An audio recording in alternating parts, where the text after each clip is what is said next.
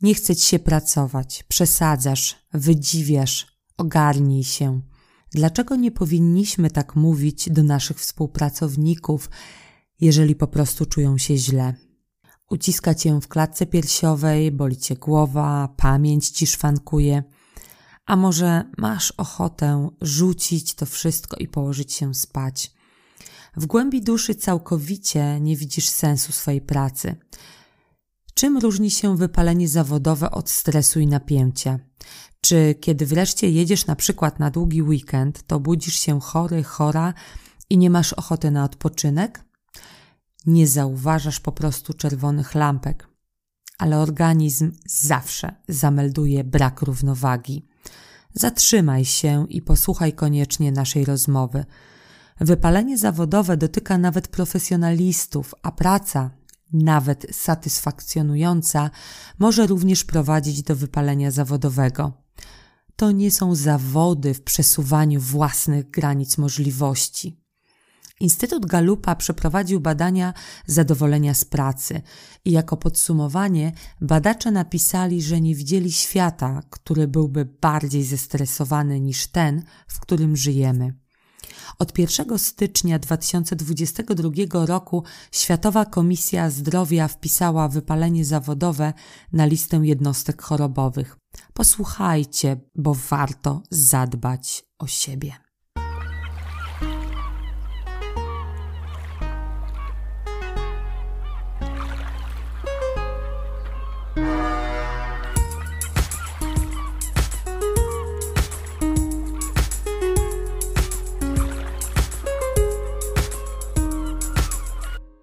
Cześć Magda. Cześć Kosia. Dzisiejszy odcinek e, jest e, niełatwy, muszę powiedzieć.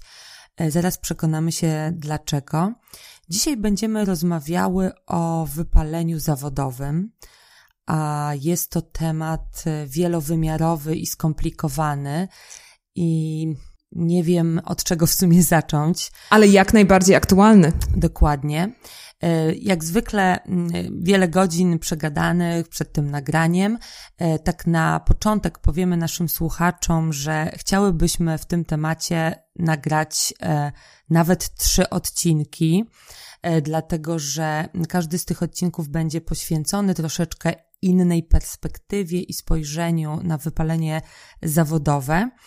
Ale zanim zaczniemy rozmawiać o tym syndromie, E, to chciałabym powiedzieć, że e, wiedza, którą tutaj e, cytujemy, przytaczamy, pochodzi ze sprawdzonych źródeł psychologicznych, także z rozmów z terapeutami, z psychologami. No i rzecz, która wyróżni ten podcast, to jest doświadczenie, ponieważ nie wiem, czy to dobrze, czy niedobrze, natomiast Magda przeszła cały proces wypalenia zawodowego. Tak, Magda, masz za sobą chyba niefajne tak, takie dokładnie. doświadczenie, ale już jest po, jesteś, e, jesteś tu i teraz e, i wydaje mi się, że to też będzie bardzo dobry przykład e, dla naszych słuchaczy, tak, że to nie będzie tylko wiedza zaczerpnięta z teorii, z książek, ale doświadczenie Twoje, którym się podzielisz. Tak, jak najbardziej. To wtedy, jak byłam w tym, tym doświadczeniu, to zdecydowanie nie było e, przyjemne, ale teraz patrząc z perspektywy czasu, to wiem, że e, bardzo dużo mnie nauczyło o sobie i tak jak później jeszcze Ci powiem troszkę bliżej, pozwoliło też innym wokół mnie zdiagnozować wypalenie zawodowe w swoim przypadku. I to, co ty powiedziałaś, te e, wszystkie teorie, które, które będziemy omawiać i patrzeć na objawy i dlaczego wypalenie zawodowe się nam w ogóle przytrafia, to też jest wszystko super e, książkowe opisy, ale bardzo ważne jest też zrozumieć, że każdy będzie miał swój taki indywidualny rys, jak to się objawia i czasem warto też posłuchać takich historii z życia, żeby móc może odnaleźć cząstkę siebie w tym i, i mam nadzieję, że że właśnie opowiedzenie Wam troszkę o tym, jak to u mnie przebiegało, przybliży Wam to i, i mam nadzieję, że, że te osoby, które, które już cierpią na wypalenie zawodowe, będą w stanie um, skontaktować się z taką częścią siebie, która, która zaczyna już to odczuwać. E, I też nie ukrywam, że e, rozmowy e, z osobami, które słuchają ETA FM. Też, też osoby pochodzące z branży supply chainowej poruszały ten temat, bo praca, logistyka, czy w ogóle praca w supply chainie, nie tylko w biznesie, ale, ale no przyznajmy to, to, że praca e, na przykład spedytorów jest pracą bardzo wyczerpującą, wymagającą e, dostępności praktycznie 24 godziny na dobę. I też wielu moich znajomych z tej branży e, mówiło o tym, że zastanawia się, czy na przykład nie dotyka ich wypalenie zawodowe, więc e, wydaje mi się, że, że warto właśnie podsumować to wszystko, co zresztą postaramy się tutaj uczynić. E, I na początek e, może tak zacznijmy od takiej takiej kwintesencji, skąd w ogóle to wypalenie zawodowe się wzięło i, jakby dlaczego o tym w ogóle rozmawiamy. Ogólnie pochodzi e, to sformułowanie burnout, czyli wypalenie e, właśnie ze Stanów Zjednoczonych. E, już w latach 70. zauważono, że pracownicy, których efektywność, badano ich efektywność pracowników i zauważono, że efektywność tych pracowników zmniejszała się, pomimo, że ten, że czas pracy na przykład wydłużano. I e, tam wśród tych badaczy jeszcze z lat 70., którzy zajęli się w ogóle tym zjawiskiem wypalenia, mm, była Christina Maslak, która jeszcze żyje i ma się dobrze i ona publikuje i opublikowała całą listę książek e, na temat wypalenia zawodowego. E, więc e, damy też odnośnik, e, może pod postem na LinkedInie na przykład, do jej książki, którą możecie kupić. Też w Polsce została przetłumaczona na język polski, Pokonać wypalenie zawodowe. Więc to jest taka znana badaczka amerykańska, ale oczywiście jest to temat dosyć teraz, nie chcę powiedzieć popularny, ale na czasie, no bo, bo, bo jest to zagadnienie, jest to jednostka już chorobowa, która jest badana i jest przedmiotem rozważań wielu psychologów i terapeutów.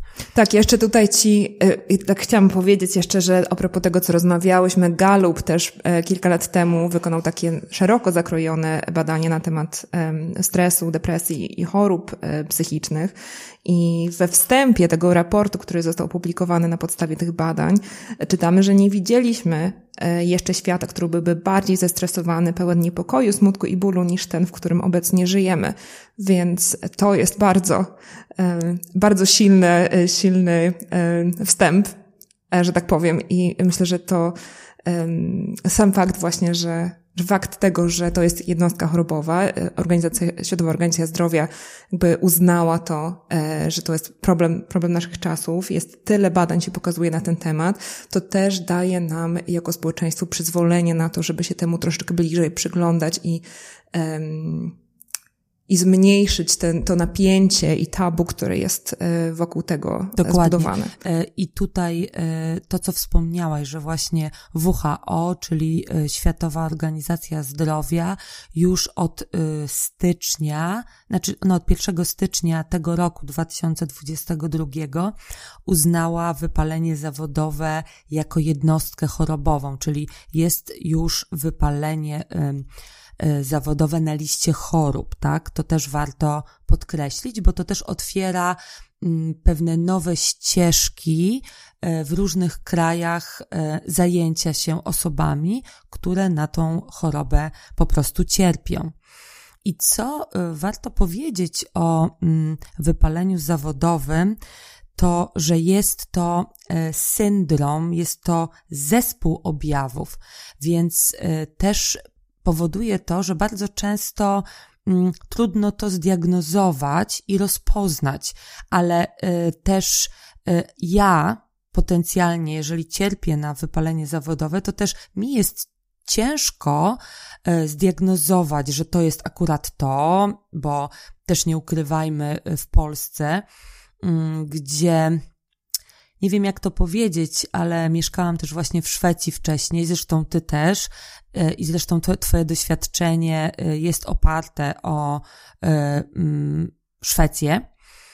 I wydaje mi się, że tak. w Polsce, w przeciwieństwie na przykład do Szwecji, bardzo często jak ktoś się uskarża na pewne symptomy związane z wypaleniem zawodowym, no to bardzo często słyszy, a, no, nie chce ci się pracować, lenisz się, tak? Jest szereg takich sformułowań pejoratywnych, negatywnych, mm, które są związane właśnie e, z wypaleniem zawodowym. To znaczy, jak ja mówię, że czegoś mi się nie chce robić, czuję się zmęczona, zmęczony, to mogę się spodziewać, że, e, że ktoś skomentuje to jako, nie wiem, lenistwo, znudzenie i tak dalej. Nie weźmie mnie poważnie, na poważnie.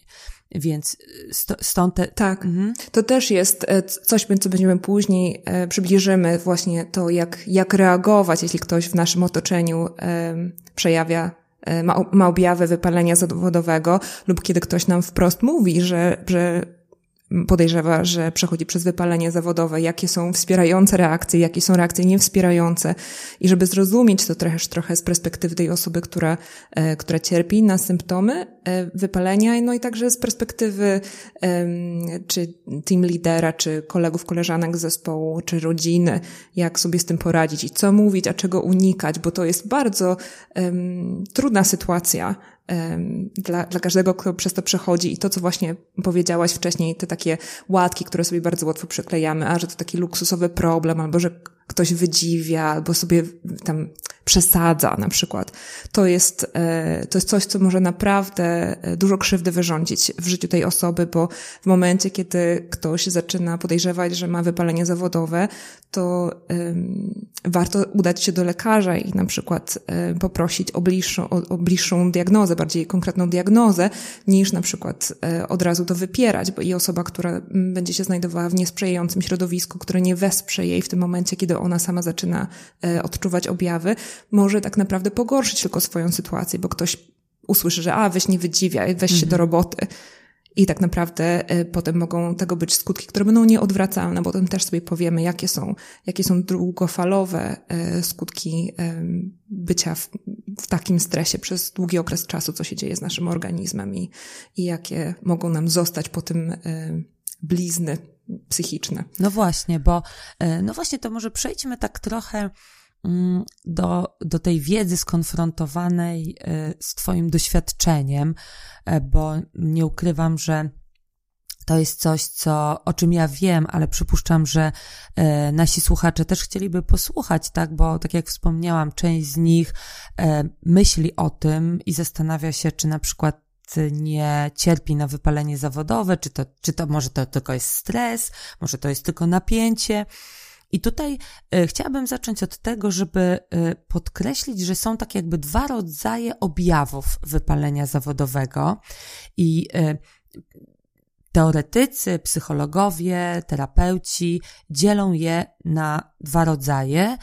I tak, pierwszy rodzaj to są, można to nazwać te objawy w ciele, czyli somatyczne, tak? Czyli objawy dostrzegalne, to jest, to są takie objawy jak bóle kręgosłupa, e, czy bóle głowy, e, przeziębienia i tutaj coś ciekawego znalazłam, że właśnie przeziębienia, ale kiedy? Na przykład nie wiem, czy, e, czy jest ktoś wśród Was, kto zauważył coś takiego, że jak żyje na adrenalinie, pracuje codziennie, czuje się świetnie, ale na przykład przychodzi długi weekend i nagle budzi się w sobotę i jest zaziębiony czy zaziębiona, albo go coś bardzo boli. E, ja nie ukrywam, e, czasami miewam takie takie symptomy e, i to, to, to jest też coś charakterystycznego, co powinno nas zaniepokoić. Oczywiście, jeżeli jest to e, powtarzalne, że w momencie, kiedy nasz organizm dostaje dawkę mm, wolnego dnia, odpoczynku, to nagle jest chory, nagle odczuwamy ból, e, pojawia się coś w naszym organizmie, co nie jest komfortowe.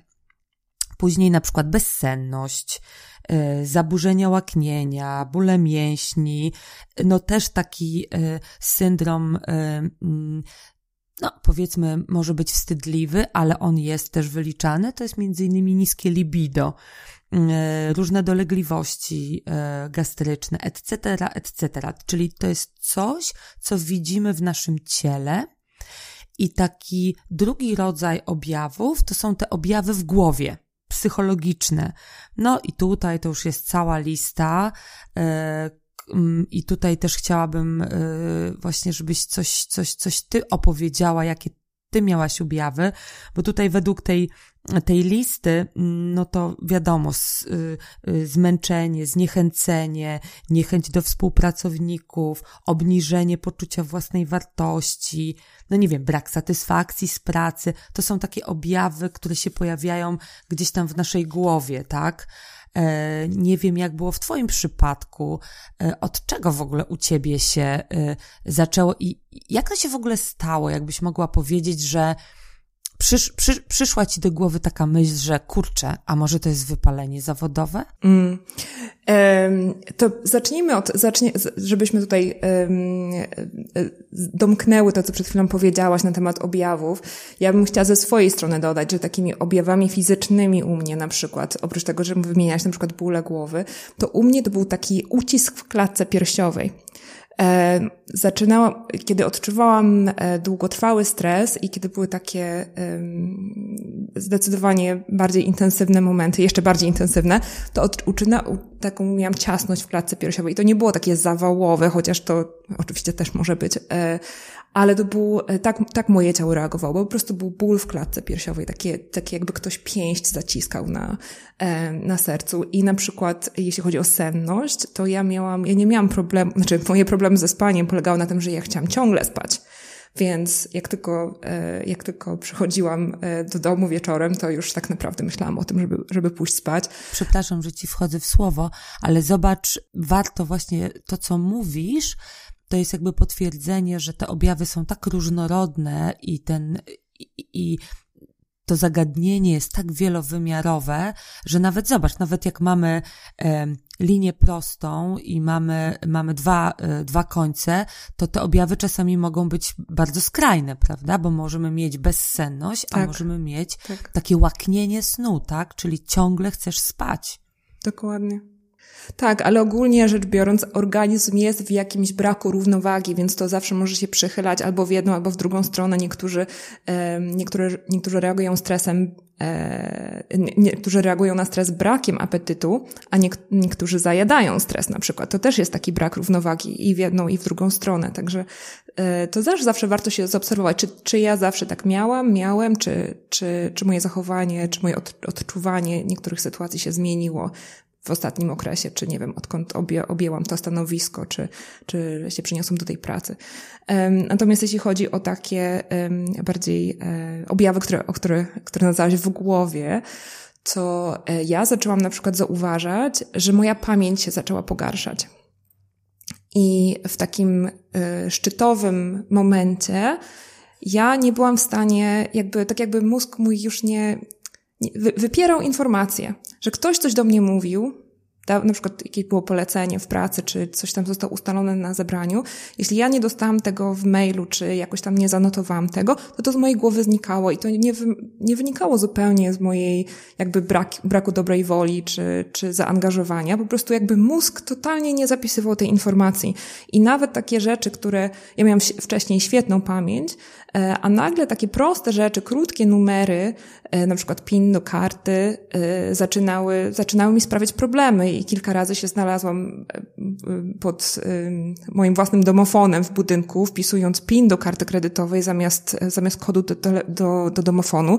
I stałam tak pół godziny i się wkurzałam, dlaczego mi e, spółdzielnia nie dała znać, że był kod zmieniony bo jakby mózg przestaje łączyć te kropki, o których tam czasem mówimy, że, e, że wszystko się składa w jakąś spójną całość. Ta, ta, ta spójność się zaczyna e, rozmywać i, i możemy się złapać na tym, że, że zapominamy, na przykład, nie wiem, znajdujemy klucz, szukamy klucza, znajdujemy w lodówce na przykład, albo się nie pamiętamy najprostszych rzeczy, zapominamy, że się z kimś spotkaliśmy, albo zapominamy imion, zapominamy różnych rzeczy. Także u mnie na pewno pamięć e, zaczęła szwankować, co było oczywiście bardzo takim przerażającym e, objawem, ale to, to opowiemy, opowiem troszkę mm, więcej może o tym później.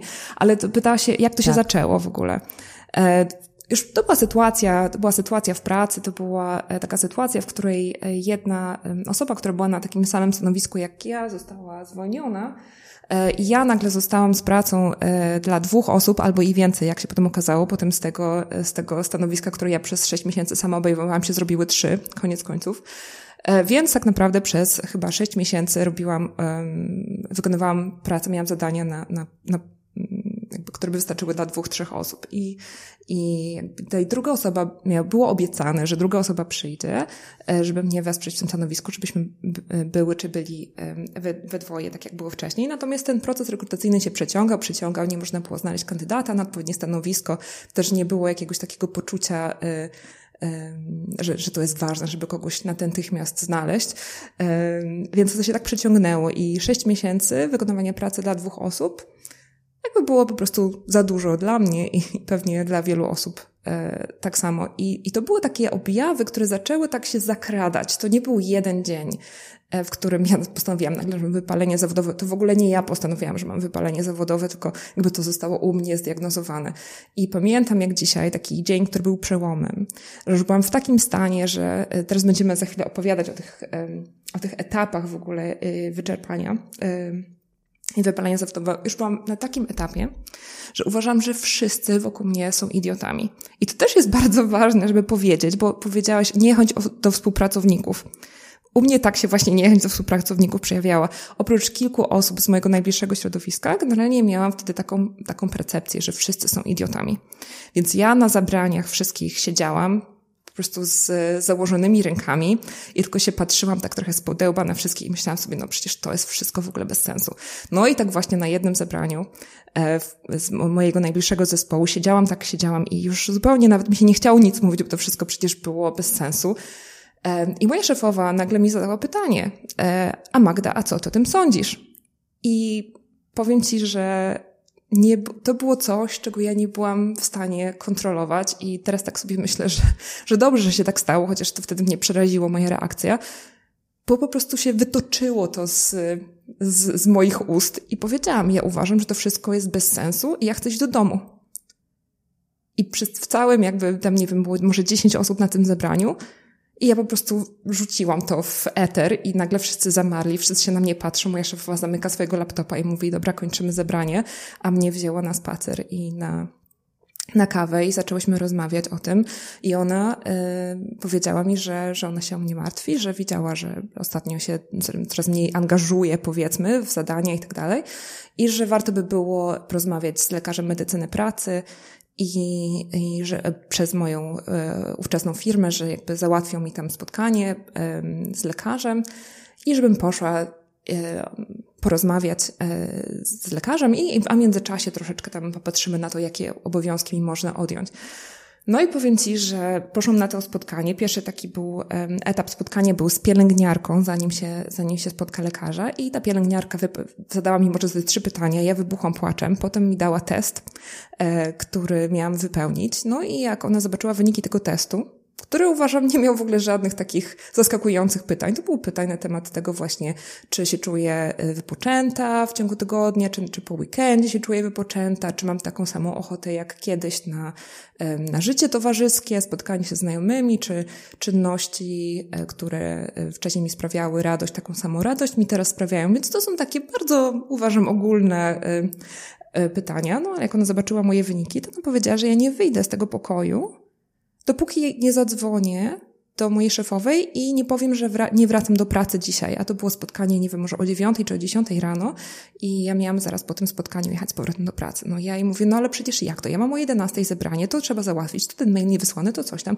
On mnie to zupełnie nie interesuje, ja będę tutaj siedzieć przy tobie i ja chcę usłyszeć tę rozmowę, w której ty dzwonisz do swojej szefowej i mówisz, że ty dzisiaj nie przyjdziesz do pracy. No, więc ja w ogóle w szoku. E, ale pielęgniarka ma takie, miała takie taką miała prezencję, że nie, nie, trudno się było przeciwstawić, więc ja wykonałam ten telefon w ogóle z, z drżącymi rękami. No i moja szefowa oczywiście wiedziała, że to jakby z tej, z tej przychodni medycyny pracy ten telefon zostaje wykonany, więc po prostu to zaakceptowała i, i poczyniła odpowiednie kroki. A następnego dnia widziałam się z lekarzem i lekarz stwierdził definitywnie, że to jest wypalenie zawodowe. I na początku ja się go pytałam, no, no ale co to w takim razie znaczy, że to, że pójdę trochę na zwolnienie lekarskie, no może dwa tygodnie, czy co pan myśli? On mówi dwa tygodnie, dwa miesiące i potem dopiero zobaczymy, co się będzie działo. I koniec końców na zwolnieniu lekarskim byłam pięć miesięcy, jakby na, na 100%, a potem przez kolejne 6 miesięcy pracowałam tylko na część etatu, tak żeby stopniowo wracać do, do swoich obowiązków i, i do takiego trybu, w którym byłam w stanie sprostać tym zadaniom, które e, były częścią mojej roli. Wydaje mi się, że e, no powiedzmy to, tak, no bo to też jest podcast e, nagrywany w języku polskim i e, słuchany głównie przez, e, przez Polaków albo tych, którzy rozumieją język polski, e, że no miałaś to szczęście, tak, jeżeli można mówić o szczęściu w wypaleniu zawodowym, no ale powiedzmy to w ten sposób, że to, to przytrafiło ci się w Szwecji, tak, gdzie e, na tamten czas, bo to było e, kilka lat temu, z tego co pamiętam, Mm, była taka już e, atencja i zwracano uwagę na to, że, że może nie nazywano jeszcze wypalenia zawodowego chorobą, ale jednak już e, kierowano ludzi na zwolnienia i zajmowano się ludźmi tak. w odpowiedni sposób, bo nawet większe koncerny mm, które zatrudniały tysiące ludzi tak w Szwecji, zauważyły, że jest jakieś dziwne zjawisko polegające na tym, że ludzie coraz mniej efektywniej pracują, że po prostu są wypaleni, tak? I od razu starali się tymi ludźmi e, w sposób odpowiedni zajmować. E, Tutaj na co zwróciłam uwagę, bo e, z pewnością ktoś, kto słucha tego, tak sobie może pomyśleć, okej, okay, no dobra, no miała jakieś objawy, mm, była zestresowana, no tutaj wybuchła. Mm, I jakby, jak ja sobie myślę o tym, że, no nie wiem, stresuje się w pracy, tak, no to czy ja już mogę mówić o wypaleniu zawodowym? I wydaje mi się, że mm, to, co wszyscy powtarzają, y, też słucham wielu nagrań i, i wykładów o wypaleniu zawodowym, to każdy ze specjalistów zajmujących się tym podkreślał, że to, co jest charakterystyczne dla wypalenia zawodowego, to jest to, że na przykład stres jest długotrwały. Dokładnie. I podkreślali coś takiego, że y, no nie wiem, w normalnych warunkach, jak jesteś przemęczona, e, czy, czy ktoś jest przemęczony pracą, przychodzi weekend, to ten weekend powoduje, że odpoczywamy i w poniedziałek wracamy wypoczęci. Ale jeżeli w poniedziałek wracamy do pracy i nadal jesteśmy zmęczeni, nadal jesteśmy zestresowani, to już jest ta czerwona lampka która powinna nas e, w jakiś sposób zaniepokoić, że to nie jest normalne, że pomimo, że nasz organizm miał możliwość wypoczynku, to my wcale nie wypoczęliśmy, tak? I, i cały czas jesteśmy w, takim, w takiej fazie stresu. Wydaje mi się, że warto tutaj przytoczyć tą naszą ulubioną inwentaryzację wewnętrzną, bo, bo jakby, yy, znaczy nie jakby, powinniśmy nawet będąc w tej fazie stresu, uruchomić ten proces i też tak jakby badać siebie, prawda?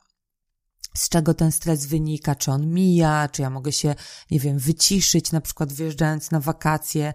Ile ludzi ja znam, ile osób, które, nie wiem, jadą na wakacje, już nie wspomnę o tym, że otwierają laptopa, ale wracają do, na przykład do pracy ja znam takie osoby i ja mówię, o super, wróciłeś po dwutygodniowych wakacjach, super, jesteś wypoczęty, a ta osoba mi mówi, wiesz co, jestem tak zmęczony i w ogóle nie chce mi się naprawdę nic robić. I wtedy ja sobie myślę, kurczę, jakie to jest przykre, że osoba wypo teoretycznie wypoczywała, wyjechała gdzieś daleko, wraca do pracy i jest tak samo zmęczona, albo nie wiem, czasami mam wrażenie, rozmawiając z takimi ludźmi, że są jeszcze bardziej zmęczeni po wakacjach i tacy, e, tacy źle nastawieni do pracy, tak? Po, po mm. wypoczynku, więc wydaje mi się, że, że to jest taka czerwona lampka, czyli ta długotrwałość, prawda? Bo u ciebie to nie był jakiś stres, który trwał, nie wiem, tydzień, tylko on się utrzymywał, prawda? Aż wybuchłaś. Tak, aż wybuchłam, tak, aż, się, aż mi się ulało po prostu. Tak, to jest, to jest bardzo ważna rzecz um, do wzięcia pod uwagę. Także jakby na przykład w takiej sytuacji um, zawodowej, czy, to, czy ten stres, który um, obecnie przeżywamy, czy przeżywaliśmy, czy to jest stres, który jest jakby y, stałym czynnikiem tej pracy, czy to jest na przykład związane tylko z projektem i jest tylko taka jedna faza tego projektu, która wymaga jakby intensyfikacji pracy, czy taka jest w ogóle natura mojej, mojego zadania, mojej, mojej pracy, czy tak jak mój zespół pracuje, czy tak jak, no, nie wiem, szef, szefowa za, zarządza tym zespołem, bo jeśli, jeśli okazuje się, że to jest jakaś stała, że ten stres na wysokim poziomie to jest stała, no to jesteśmy również na prostej drodze do wypalenia zawodowego. Natomiast oczywiście w każdej pracy będą okresy bardziej intensywne lub mniej intensywne, ale też warto pamiętać o tym, że wtedy te okresy, które są mniej intensywne, naprawdę wykorzystać na to, żeby dać organizmowi się zresetować, wrócić do tego, e, do tej równowagi. I tak jak co ty powiedziałaś a propos e, osób, które wracają zmęczone z wakacji, to jest w ogóle taki, takie błędne koło, w którym wielu z nas żyje, że żyjemy od weekendu do weekendu, już się nie możemy doczekać piątku. Potem żyjemy od wakacji do wakacji a potem, czy tam od urlopu do urlopu, a potem koniec końców to już tylko czekamy na emeryturę żeby sobie w końcu odpocząć. I to takie, żeby sobie w końcu odpocząć, się coraz bardziej przesuwa, a tak naprawdę nasze życie jest złożone w większej mierze z poniedziałków, do, od poniedziałku do piątku niż z weekendów. Więcej jest złożone z dni pracy niż z dni urlopu i większą część życia wielu z nas pracuje niż potem jest na emeryturze, więc warto zadbać o to, żeby, te, żeby ta codzienność była w takiej równowadze, żeby nie trzeba było z, wyczekiwać do tego momentu, aż sobie tak naprawdę odpoczniemy, bo to tak naprawdę odpoczniemy jest w cudzysłowie. Bo może się tak zdarzyć, że, że nie będziemy w stanie już wyjść z tych wszystkich jakby konsekwencji, które te, te tygodnie, miesiące, lata stresu e, odcisnęły. Jakby piętno na nas. Na, na naszym, tak, jak, tak. to piętno, jak ono odcisnęło na naszym organizmie, na naszym samopoczuciu. Znaczy, wydaje mi się, że też warto, y, rozmawiając właśnie o wypaleniu zawodowym, no bo cały czas krążymy, mm, y, krążymy właśnie wokół stresu, y, wokół takich objawów, które ty też wspominałaś, mm, ale jest jakaś taka lista czynników, e, którą podają specjaliści, e, która właśnie mówi nam, co tak naprawdę może spowodować e, co może się przyczynić do tego, że będziemy się konfrontować z wypaleniem zawodowym. I może powiedzmy też o tym kilka słów, bo y, ktoś, kto nas słucha, to sobie myśli, no dobra, stresuję się, powiedzmy, coś tam mnie boli, ale mm, co tak naprawdę y, może jeszcze spowodować, przyczynić się do tego, że mogę z tym wypaleniem się skonfrontować. I wydaje mi się, że warto na pewno podkreślić, y, nadmierne obciążenie pracą, bo oczywiście każdy ma swoje granice, ale wydaje mi się też, że my bardzo często przeceniamy swoje możliwości. Taki, wiesz, tak, taki otwieramy worek i tak dopychamy, dopychamy. Oczywiście też y, nasi szefowie, nie wiem, współpracownicy dopychają do tego wora naszych możliwości, ale bardzo często jest tak, zresztą mówię to też przez pryzmat swo swojego doświadczenia, bardzo często my na to pozwalamy i sami się dopychamy, tak? I sami mówimy, a jeszcze to zrobię, jeszcze dam mamy jakąś taką troszeczkę obniżoną, e, może e, warto, e, swoją własną, swoje własne poczucie wartości. No nie wiem, jest wiele takich czynników, które powodują, że my bardzo często przeceniamy swoje możliwości i nadmiernie obciążamy się pracą. Tak, i ja chciałabym jeszcze, chciałabym jeszcze nawiązać tylko szybko do tego, co powiedziałaś, bo uważam, że to było kluczowe. To kiedy wspomniałeś o tym, że każdy ma jakieś tam granice, i to jest prawda, i problem w tym wszystkim jest taki, że wielu z nas w którymś momencie życia funkcjonuje tak jakby pokazywanie, że, ta, że ma się dalszą granicę odporności, czy wyższą granicę odporności jest jakiegoś rodzaju konkursem. I tu jest, powracam do tego znowu, że e, w wielu kręgach zawodowych mierzy się naszą e, produktywność, naszą, naszą wartość jako człowieka mierzy się miarą produktywności. Więc oczywiście wiele osób będzie pracowało e, w tak i angażowało się w swoje zadania, w takim poczuciu, że muszą się wykazać, że mają większą odporność i że są w stanie zrobić więcej. Więc to właśnie wtedy osoby, które na przykład zaczynają się skarżyć na to, czy podejrzewać, e, że mają wypalenie zawodowe, mogą też czuć ogromny, ogromny wstyd z tym związany, bo nagle się okazuje, że moja granica um, pokazała się wcześniej niż twoje i czy to znaczy, że ja jestem gorszym pracownikiem niż ty. I to jest taki powszechny w ogóle mit, że osoby mniej, że to dotyka najczęściej osoby mniej odporne psychicznie. I oczywiście osoby, które mają w jakiś sposób już nadwątlone zdrowie psychiczne, będą podatne na wypalenie zawodowe, ale tak samo podatni na wypalenie zawodowe będą pracocholicy. Osoby, które właśnie za wszelką cenę udowadniają sobie i innym e, wartość swoją przez swoją produktywność i także osoby wysoko entuzjastyczne. To, to o, czym, e, o czym wcześniej rozmawiałyśmy, że to nie muszą być koniecznie e, jakieś zadania, które są dla nas e, katorgą, które są nieprzyjemne, które są monotonne, które są męczące. Możemy wejść w wypalenie zawodowe, wykonując pracę, która jest dla nas źródłem satysfakcji jeśli nie znamy umiaru. Dokładnie. I jeśli damy sobie przerwy na wypoczynek. Jeżeli po prostu układamy sobie tak kalendarz, że od rana do nocy wykonujemy ciągle jakieś zadania i tak jak powiedziałaś, to jest bardzo cenne. Zresztą ja słuchałam też ostatnio takiej rozmowy z dziewczyną i nie ukrywam, a też tutaj w tym podcaście założyłyśmy sobie i w ogóle e, cała nasza ekipa Ety sobie założyła, że e, rozmawiamy szczerze i dajemy taką, e, taki szczery feedback i informacje dla naszych słuchaczy. Przyznam szczerze, że ja też spojrzałam na siebie w jakiś taki sposób krytyczny, bo ja rzeczywiście wypełniam swój kalendarz od rana do nocy i tak jak powiedziałaś, rzeczami z reguły, które sprawiają mi przyjemność. Tylko pytanie pojawia się zasadnicze, czy ja mam czas na taki odpoczynek, czyli robienie nic. E, znaczy, to już jest oczywiście osobny temat i, i o tym też e, wielokrotnie rozmawiałyśmy i będziemy rozmawiać w różnych konfiguracjach. Natomiast e, bardzo ważna rzecz, że do wypalenia prowadzi też nadmierność w, w wykonywaniu rzeczy, które są dla nas przyjemne i e, nawet praca, która może być fantastyczna dla nas, dająca nam satysfakcję, ale kiedy e, dajemy z siebie więcej i więcej i więcej, możemy nagle uderzyć po prostu w ścianę.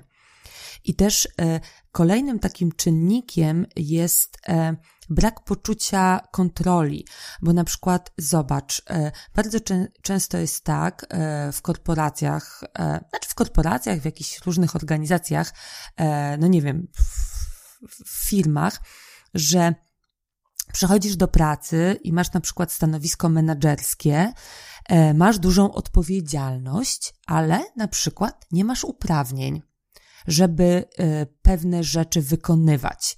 Czyli oczekuje się od ciebie czegoś, ale na przykład, nie wiem, no nie masz e, pewnych możliwości realizacji tego. Czyli e, jesteś troszeczkę jako menadżer w takiej klatce e, i nie możesz e, kontrolować pewnych procesów. I jeżeli to trwa długo, to też może powodować, że zaczniesz się po prostu wypalać jako osoba, która jest y, tak. za coś takiego odpowiedzialna. Tak, i to jest, y, i to dotyczy nie, to dotyczy menedżerów w dużej mierze, ale także pracowników na, na stanowiskach nie menedżerskich, którzy, osób, które po prostu nie mają sieci wsparcia. I tutaj nawet możemy zatoczyć szerszy krąg, nie tylko na poziomie zawodowym, ale także osobistym.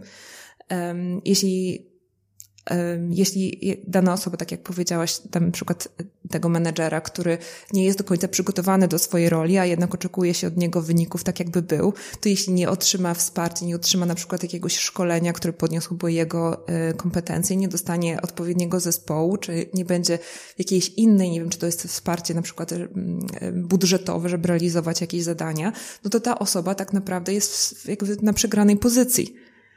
I próbowanie na siłę spełniania, jakby, czy, czy do, dowożenia na, na jakiś tam wymagany poziom, który się nie, nie jest współmierny do tego, jakie warunki zostały zapewnione do realizacji tych celów, no to jest, znowu, to jest prosta droga do wypalenia zawodowego, bo stres, który będzie związany z tą, z tą przepaścią między warunkami a, a oczekiwaniami, e, będzie źródłem ogromnego stresu. Kolejnym czynnikiem, e, czy to jest e, takie trochę oczywiste, E, ale wiem, że dotyka też branżę e, tutaj supply chainową na, na wielu wymiarach, to jest wynagrodzenie nieadekwatne do czasu pracy.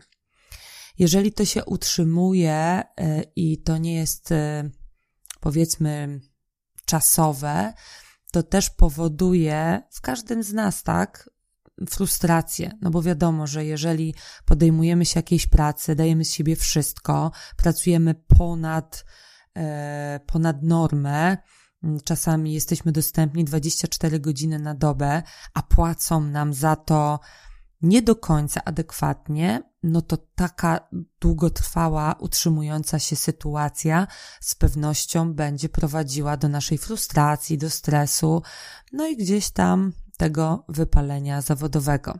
Warto o tym też powiedzieć, bo to też będzie miało wpływ i będziemy o tym rozmawiały w kolejnych y, odcinkach y, dotyczących wypalenia y, w kontekście właśnie y, i perspektywie menadżera, który zarządza zespołem, tak, żeby też jemu zwrócić na to uwagę, że to wynagrodzenie adekwatne do nakładu pracy ma bardzo duże znaczenie dla ludzi. Jesteśmy w takim okresie takiego pomostu między, między starym para, paradygmatem pracy, gdzie ta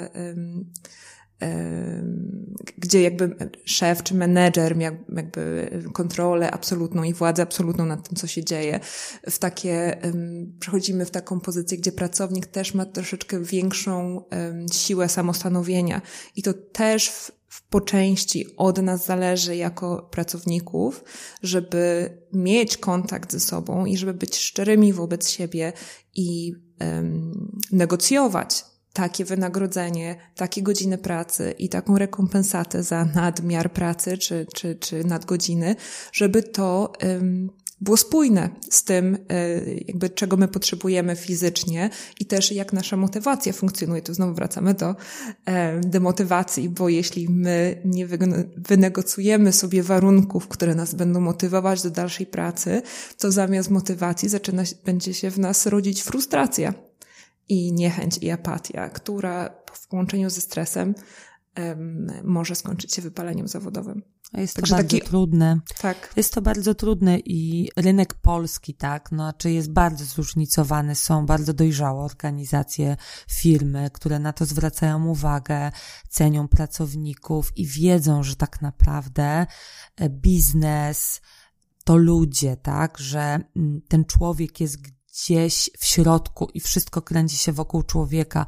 Natomiast, no niestety, cały czas, szczególnie teraz, gdzie mamy do czynienia z taką pełzającą recesją, mm, i zobaczymy, jak, jak, jak to będzie wyglądało i jak rynek pracy będzie wyglądał, czy to będzie rynek pracownika, czy pracodawcy, ale niestety, no zobaczymy, no ale y, mm, jest to temat dosyć e, wrażliwy i też część osób boi się walczyć o swoje, o swoje wynagrodzenie adekwatne do nadmiaru e, pracy, no z uwagi na to, żeby po prostu nie stracić tej pracy. Natomiast ogólnie tutaj warto o tym powiedzieć, że utrzymująca się e, taka utrzymujący się brak satysfakcji z tego, że pracujemy za godziwe pieniądze, prowadzi niestety do stresu, do frustracji i gdzieś tam do wypalenia zawodowego.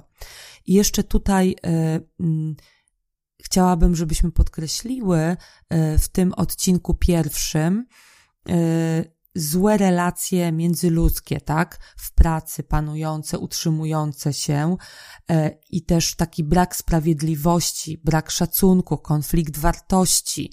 Tutaj takim przykładem może sztampowym są na przykład lekarze czy pielęgniarki, gdzie ja sama znam jeden przypadek, właśnie sąsiada moich rodziców, e, bardzo młodego człowieka, e, który jest lekarzem i właśnie ostatnio powiedział, że on e, się wypalił zawodowo i teraz pracuje mm, ze studentami z Politechniki nad jakąś sztuczną inteligencją, ale mówię, jak to się wypaliłeś zawodowo?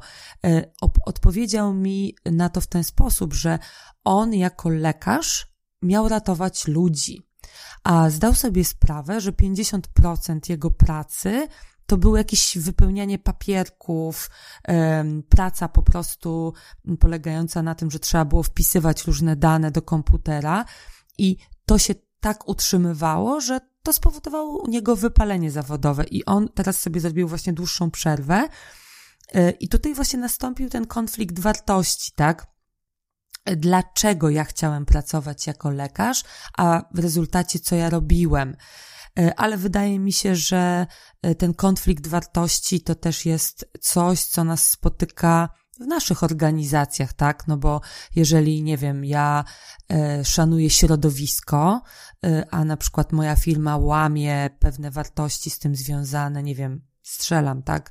Zanieczyszcza rzeki, czy, no nie wiem, coś innego związanego z łamaniem praw nie wiem, czy mogę tak powiedzieć, środowiskowych, no to też, y, jeżeli ja będę y, wykonywać tą pracę i będę wiedziała, że to łamie jakieś tam moje wartości, no to też będę popadać w taki konflikt y, wewnętrzny. Tak, jest w ogóle takie świetne badanie, które zostało niedawno przeprowadzone przez Instytut Harvardu, które mm, mówi właśnie o ranach moralnych, które są porównywane do zespołu stresu półrazowego i które są wynikiem albo działań, które, które pracownicy e, jakby wykonują, które są e, nie, niezgodne z ich wartościami moralnymi, lub nawet bycie świadkiem czy świadkami jakiejś czynności, czy zachowania, czy traktowania innych, które jest nie w zgodzie z E, z tym, jak chcielibyśmy, żeby świat wyglądał.